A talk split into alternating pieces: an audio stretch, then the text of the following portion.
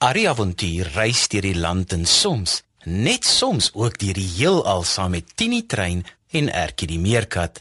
Hy's bang vir niks en saam met sy maats verskaf hulle vermaak aan groot en klein. Klim op maats, die storietrein gaan vertrek. Tini is 'n stoomtrein op sy eysterspoor. Arrie is sy passasier, hy soek avontuur. Die Bybel is hul kompas, dit hou hul op die spoor. Van alles wat met jou gebeur, kan jy by hulle hoor. Ertjie is 'n maatjie, 'n meerkat van die veld. Karosie is 'n stoute aap, hy doen gewone kwaad. Ertjie en Karosie en Arrie ook daarbey is almal net so spesiaal, so spesiaal soos jy. Kom nou maat skuif nader, luister bietjie daar. Is dit dalk die Tini trein wat ek daar gewaar?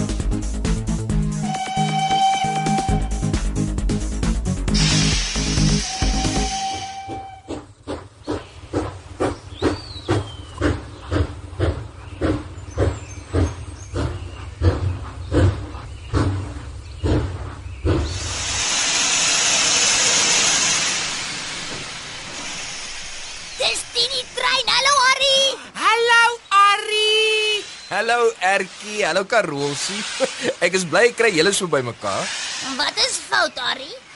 Jou gesig het nog nooit so gelyk nie. Ja. Ertjie is reg. Daar's iets fout met jou gesig. Jy lyk nie bly nie. Jy lyk nie kwaad nie. Mm, jy lyk ook nie hartseer nie. Mm, maar miskien so 'n bietjie.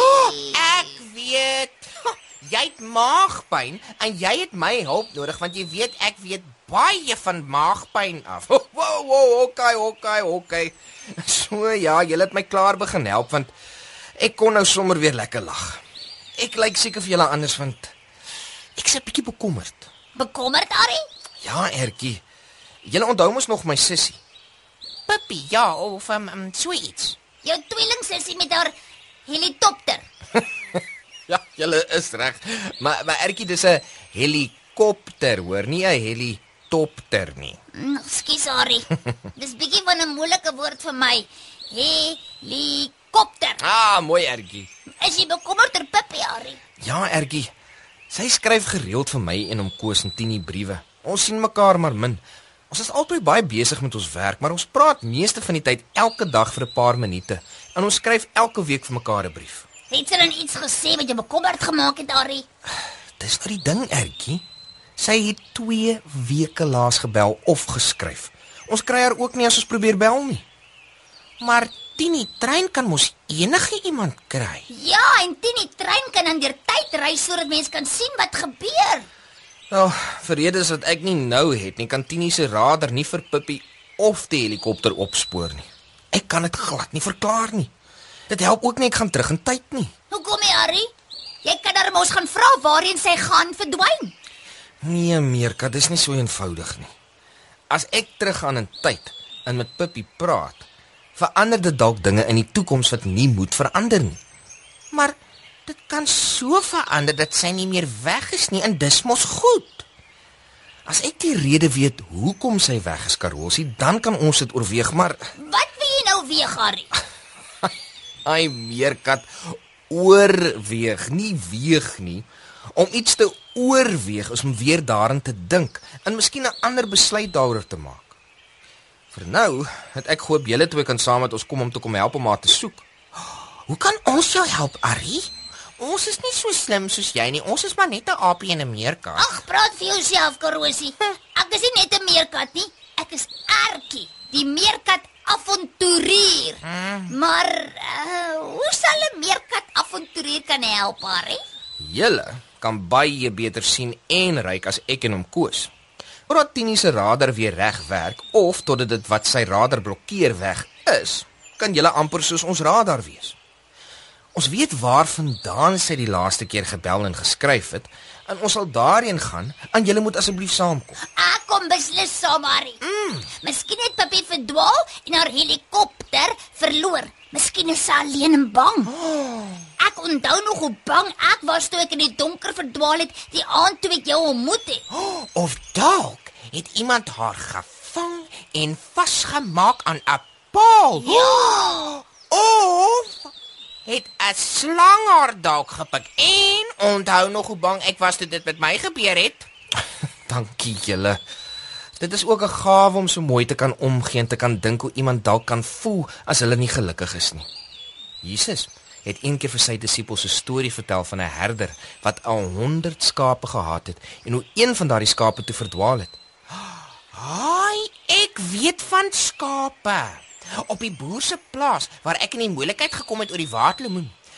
Daar is sulke sulke wit wollerige diere. My ma het gesê mens noem hulle skape. ja, dis reg, Karolsie. Ja, en my ma wat 'n rukkie op 'n plaas gewoon het, het gesê die boer eet skape en skeer hulle wol af. Dan gebruik hy die wol om klere en komberse te maak omdat mense nie pelse het soos ons nie. Het iemand die verdwaalde skaap geëet, Ari? Of gevang om te skeer. Ja. O, dit tog. Ek dink nie ek kan na hierdie storie luister nie. Ek hoop nie iemand het vir Pippi geëet of geskeur nie. Wag nou, julle bedaar as julle die storie wil hoor. Oeh, ja, julle is reg. Mense het al duisende jare terug skape aangehou vir hul wol en vir vleis. Die Egiptenare het selfs die wol saam met menshare gebruik om pruike te maak om op hul koppe te dra in plaas van hul eie hare. Sjokas, die Egiptenare klim bietjie vreemd. Wat was fout met hulle eie hare, hè? Uh, wat is 'n herder? Nigtig, julle is vol energie en vrae vandag. Ten minste laat dit my bietjie vergeet van my bekommernis. Ja, Erkie. Die Egiptenare het hul eie hare afgeskeer omdat dit vir hulle makliker was om hul koppe skoon te hou. Dit het help keer dat hulle luise kry. Oh.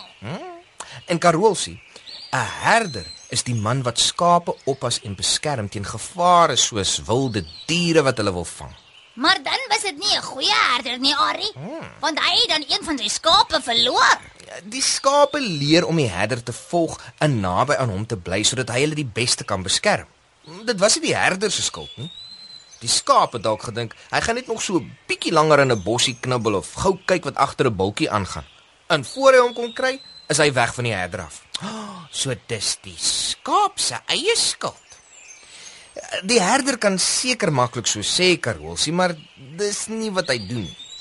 Hy los die ander 99 skape op 'n veilige plek en gaan soek die een skaap wat verdwaal het. As dit jy was, sou jy tog wou hê dat hy vir jou gaan soek of hoe Karolsie? Uh, ja, Ari.